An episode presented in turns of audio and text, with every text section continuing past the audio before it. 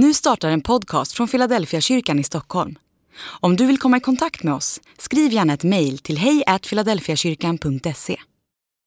Jag tänkte säga någonting som, kring ett ämne som jag tänker angår alla människor.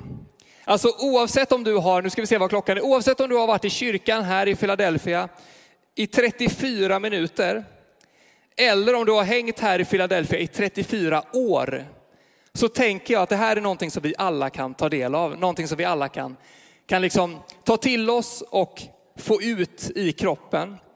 Och jag tänkte säga det utifrån en bibelvers, eller några bibelverser som jag tror att de flesta av er någon gång har hört, men ni kanske inte visste fanns i Bibeln. En liten cliffhanger. Eh, så jag tänkte säga någonting utifrån temat, hur blir jag en bra medmänniska? Hur blir jag en bra medmänniska? För oavsett om du har en tro eller inte, oavsett vilken tro du har, så tror jag att vi alla kan komma överens om, nu kommer de här, så tror jag att vi alla kan komma överens om att vi är människor. Det är liksom dagens första sanning.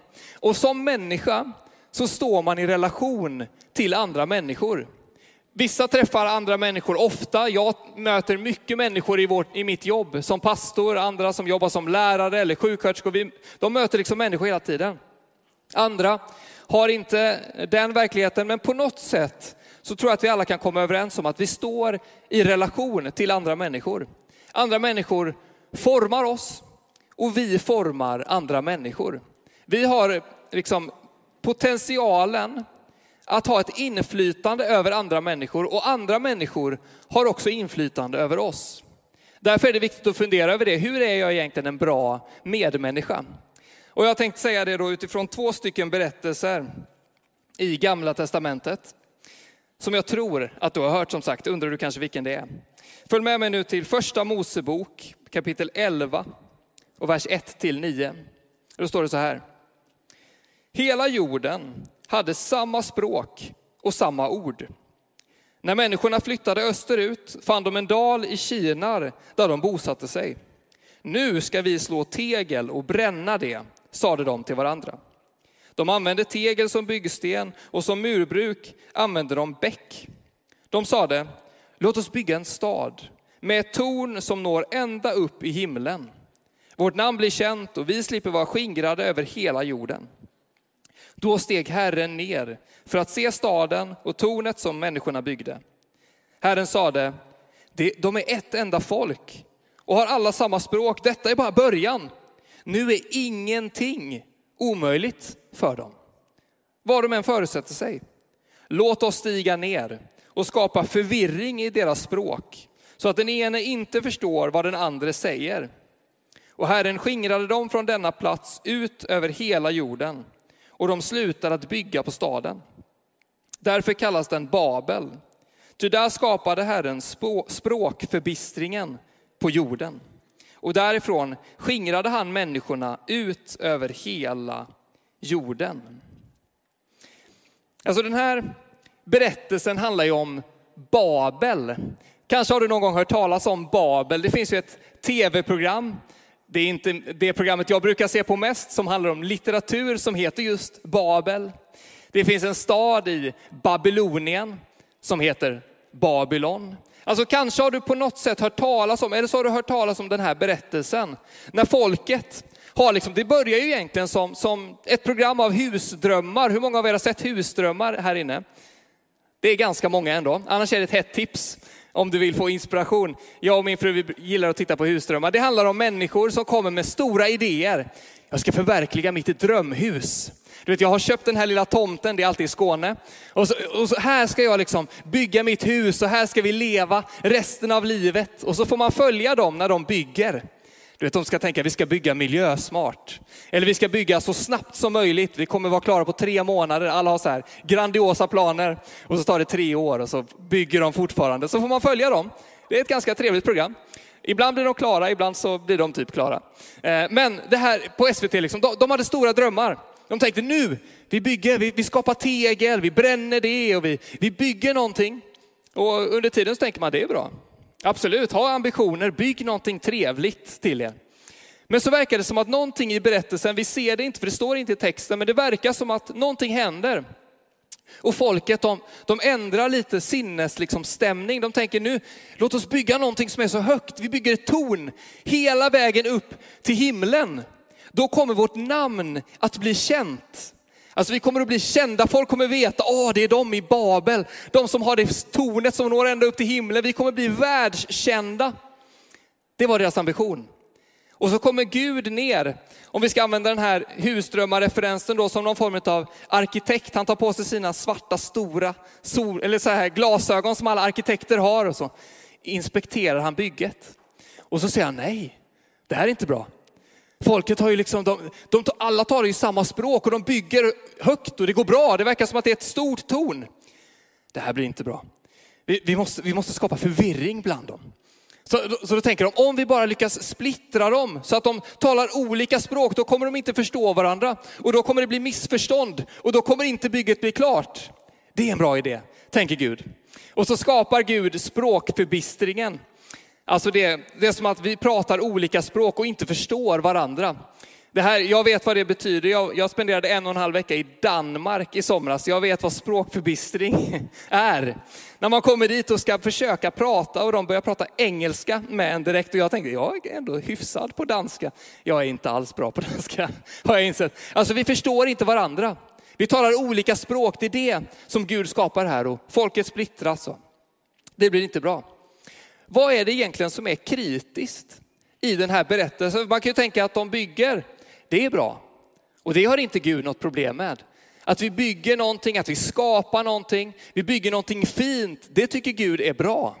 Jag tänker den här kyrkan är ett tecken på det, du är inne i en fantastisk lokal.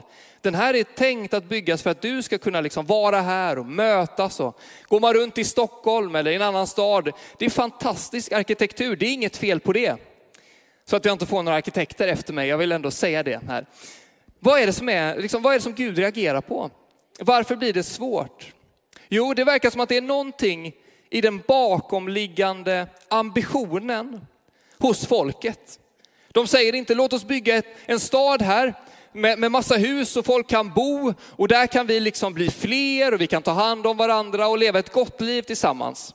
Nej, det är någonting i deras bakomliggande ambition av att när vi bygger detta, då kommer vårt namn att bli känt. Folk kommer tala om oss, vi kommer bli berömda. Det här kommer bli toppen. Och Gud inser, nej det är inte det som Gud har tänkt när han skapar världen. Gud skapar den här världen, han skapar den fantastiskt vacker. Och vi kan när vi är ute i naturen uppleva att Guds skapelse är så otroligt god. Och så säger Gud till folket, föröka er, uppfyll hela jorden. Men när folket i Babel, när de bygger det här tornet, då säger de, om det går hela vägen upp till himlen, då kommer vi kunna vara kvar här. Varför då? Det vet jag inte riktigt. Men de säger det, då behöver vi inte skingras ut över hela jorden. För vi blir kända. Det blir bra, jag bygger mitt eget namn. Det är toppen. Och så börjar de bygga. Och Gud säger, nej det här är inte det som Gud har tänkt. Alltså den bakomliggande ambitionen av att skapa sitt eget namn främst. En annan berättelse, den handlar om Abraham, den kommer precis efter. I första Mosebok 12, vers 1-4. Följ med mig dit. Herren sade till Abraham, lämna ditt land, din släkt och ditt hem och gå till det land som jag ska visa dig. Jag ska göra dig till ett stort folk och jag ska välsigna dig och göra ditt namn så stort att det ska brukas när man välsignar. Jag ska välsigna dem som välsignar dig och den som smädar dig ska jag förbanna. Och alla folk på jorden ska önska sig den välsignelse som du har fått. Abraham bröt upp som Herren hade befallt och Lot följde med honom. Abraham var 75 år när han lämnade Haran. Här möter vi Abraham, en, en man som är i sina bästa år. Han är 75 år gammal. Och han får ett uppdrag av Gud. Gud kommer till honom och så säger han, du jag vet att du har bott här nu i, i 75 år, ganska lång tid. Men nu tänker jag, nu ska du flytta. Du ska byta till ett annat land som jag ska visa dig. Och du ska bli välsignad. Och så står det i en annan bibelöversättning, genom dig så ska alla människor bli välsignade. Alltså det ska utgå en välsignelse från dig som räcker, inte bara till dem i din stad, utan till alla människor i hela världen.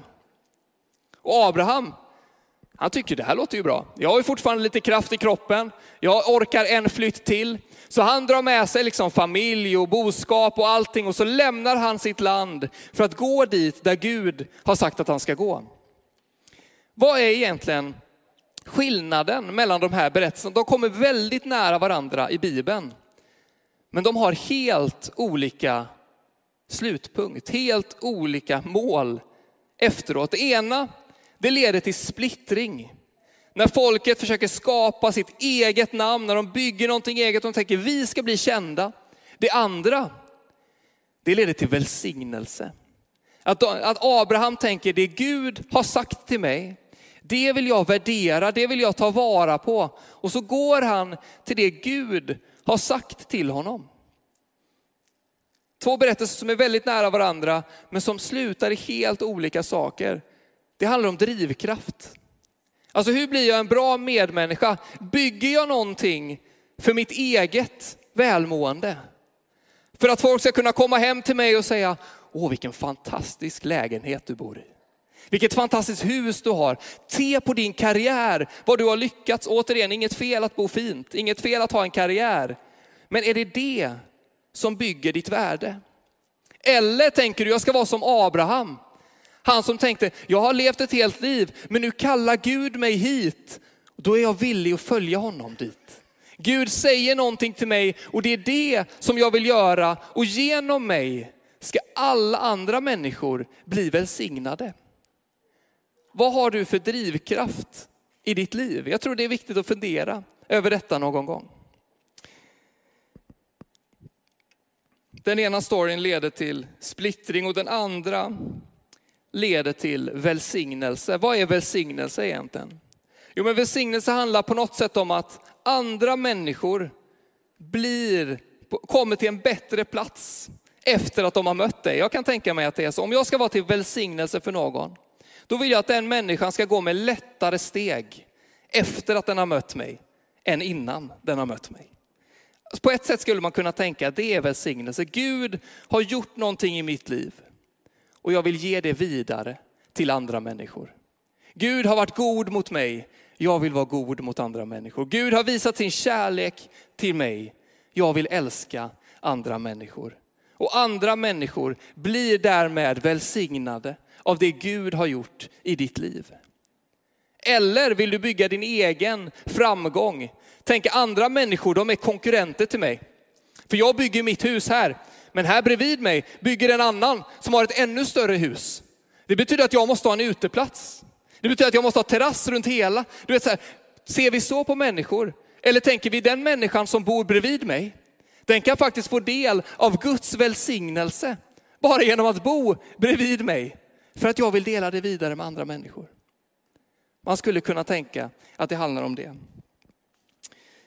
Även Jesus kom nära människor som försökte bygga sitt eget, som tänkte jag ska skapa någonting. I hans närmsta krets, de tolv tonåringar som Jesus samlar runt sig, som man kallar lärjungar, där fanns det två stycken som vid ett tillfälle tänker nu, nu måste vi säkra upp här. Jesus kommer en gång att lämna oss, han kommer gå till himlen, de hade förstått det. Och så tänkte de, nu måste vi liksom boka upp de bästa platserna. Så att vi får sitta, liksom, Jesus sitter här på tronen, om vi får sitta till höger och till vänster, det blir jättebra för oss. Och så tänkte de, om, om man ska stå inför en sån situation, då kanske man vill pitcha det på något sätt. Sälja in den idén lite. Du vet, om du har varit på en arbetsintervju någon gång, man kanske tar på sig någonting fint, man tänker ut liksom, vad har jag för styrkor, vad har jag bidragit med? Du vet, man vill så här, göra, göra gott ifrån sig. De här två, de tänker lite annorlunda. De tänker annorlunda, men kreativt. De tänker, vi skickar fram det tyngsta artilleriet. Fram med morsan. Så de bara skickar fram sin mamma som får prata med Jesus. Jag vet inte om du har gjort det på en arbetsintervju någon gång. Jag vet inte hur det skulle gå. Men de gör det. Så de skickar fram sin mamma till Jesus. Och så säger, så säger hon, ja, men du, kan, inte, kan inte det vara så att mina söner, att de får sitta bredvid dig uppe i himlen? Skulle inte det vara en bra idé? Och Jesus svarar ju vänligt men bestämt att, att den platsen, den, den kommer Gud välja, vem som kommer sitta där. Men så säger han detta som handlar om hur vi relaterar till varandra, till andra människor. i Matteus 20 och 25 till 28. Men Jesus kallade till sig dem och sade, ni vet att härskarna är herrar över sina folk och att förstarna har makten över folken. Men så är det inte hos er. Den som vill vara stor bland er ska vara de andras tjänare. Och den som vill vara den första bland er ska vara de andras slav. Inte heller människosonen har kommit för att bli tjänad, utan för att tjäna och ge sitt liv till lösen för många. Människosonen har inte kommit för att bli tjänad, utan för att betjäna och ge sitt liv som lösen till oss. För några år sedan, så 2016, jag pluggade teologi, skulle bli, skulle bli pastor och hade en sommar där jag inte visste vad jag skulle göra. Jag visste att jag skulle behöva jobba, jag skulle behöva dra in pengar på något sätt, men jag ville göra någonting som, som kändes bra i magen också. Så jag insåg att hemma i Göteborg, där jag kommer ifrån, i Västra Frölunda, så finns det ett, ett boende som, som hade tagit emot 2015, hade det kommit många ungdomar där ifrån, från Afghanistan, från Iran och länderna där omkring. Och de hade landat i Sverige, de visste ingenting om svensk kultur, ingenting om vad, vad, vad, man gjorde här, liksom, kunde ingen svenska. De hade landat mitt i Göteborg, ändå en, en större stad, men skeppats ut till Fiskebäck, en, en förort utanför Göteborg, kommit ut på en liksom, liten, liten hus bara. Precis bredvid en golfbana så det eh, liksom flög golfbollar förbi dem varje dag. Ibland kom de in på boendet. Det var lite svettigt ibland, men ingen, ingen förolyckades, vilket är, är skönt. Men jag tänkte så här, kanske att jag kan jobba där. Jag, jag, jag kanske liksom kan finnas för dem den sommaren. Så jag sökte jobb dit. Jag, det var en i kyrkan som hade en kontakt, så jag fick ett, ett jobb där. Och kommer dit första dagen och bara inser direkt att mina stora ambitioner av att kunna liksom hjälpa dem, få dem att kunna stanna kvar i Sverige. Jag insåg att det här maskineriet som är liksom i Sverige, det är för stort för mig att göra själv. Jag kommer inte kunna förändra om de får stanna kvar i Sverige eller inte. Men jag insåg att en sak kan jag göra. Och det är att älska dem varje dag när jag kommer till jobbet. Alltså jag, kan, jag kan inte ställa mig, sätta mig in i vad de går igenom, vad de har varit med om, hur deras trauman ser ut. Men om jag varje dag ändå kan fråga, hur mår du? Vad går du igenom just nu? Vad händer i ditt liv? Då kanske det kan bli någon form av skillnad. I alla fall så hade jag den ambitionen. Så varje dag när jag kom dit till Reningsborg som det hette, så bara försökte jag älska de här ungdomarna lite mer. Och när de visade med ilska mot mig så visste jag att det är nog inte mot mig utan det är mot, mot andra som har gjort saker mot dem. Så jag försökte bara skaka av mig det och fortsätta och älska dem. Varje dag, hela sommaren. Och jag inser att det här är lite tid. Och jag inser att jag kommer inte kunna göra allt, men lite kanske jag kan göra. För att de ska få det lite ljusare. Kanske kan jag välsigna dem lite.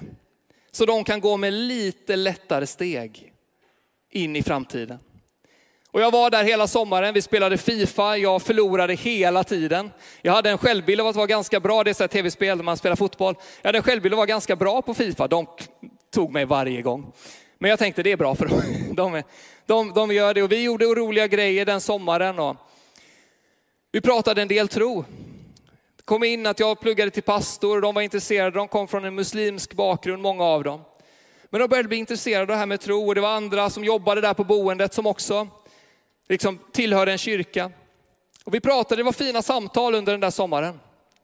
Och så bland de sista dagarna, jag minns det starkt, jag skulle börja liksom göra mig klar och gå hem och vara klar för dagen. Så kom några av de här fram till mig och sa Anton vi måste berätta en sak. Eh, I eftermiddag, då kommer vi åka in till stan, till Göteborg. Och så ska vi in till, till Smyrnakyrkan in i stan. Och så ska vi döpas där. För vi har upplevt någonting. I samtal, inte, alltså det är inte någonting för att, hävda, för att säga att jag är någonting, utan vi har insett någonting i hur ni älskar oss. Att det finns en Gud som tror på mig när jag kanske inte tror på mig själv. Som kommer med ljus in i annars så mörka situationer. Alltså jag vill inte säga att det var jag som gjorde hela skillnaden, men tänk om jag fick ändå vara med till lite välsignelse för de ungdomarna.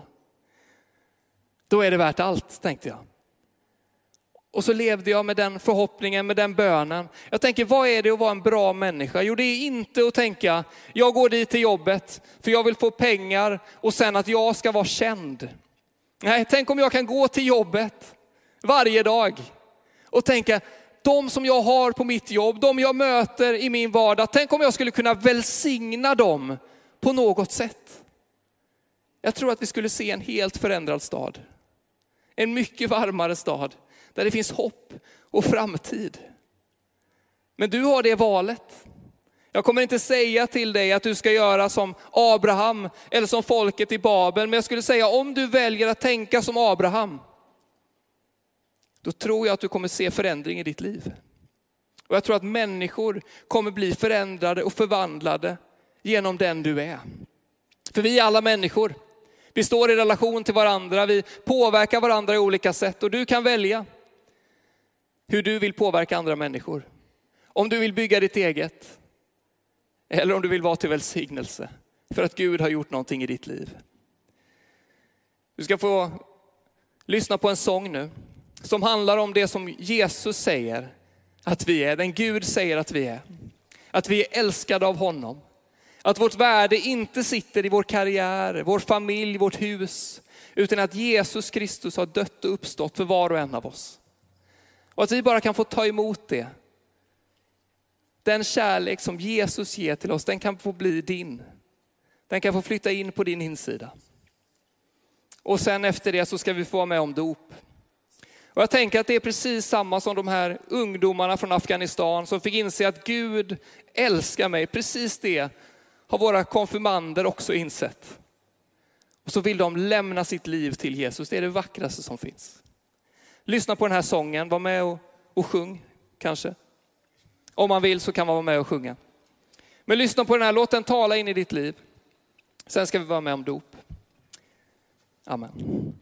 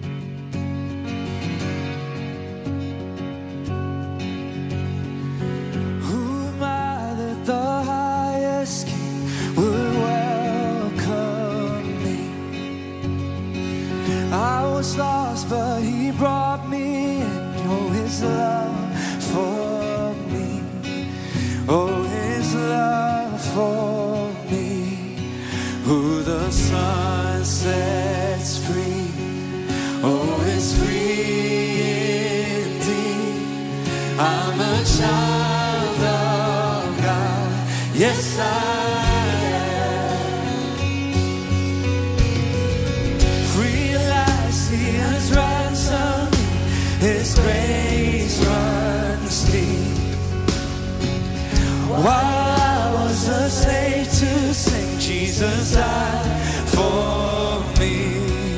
Yes, He died.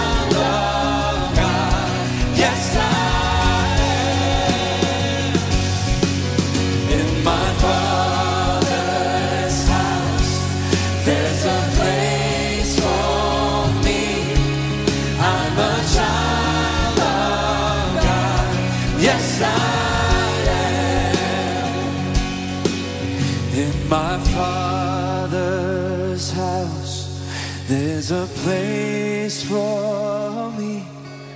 I'm a child of God. Yes, I am.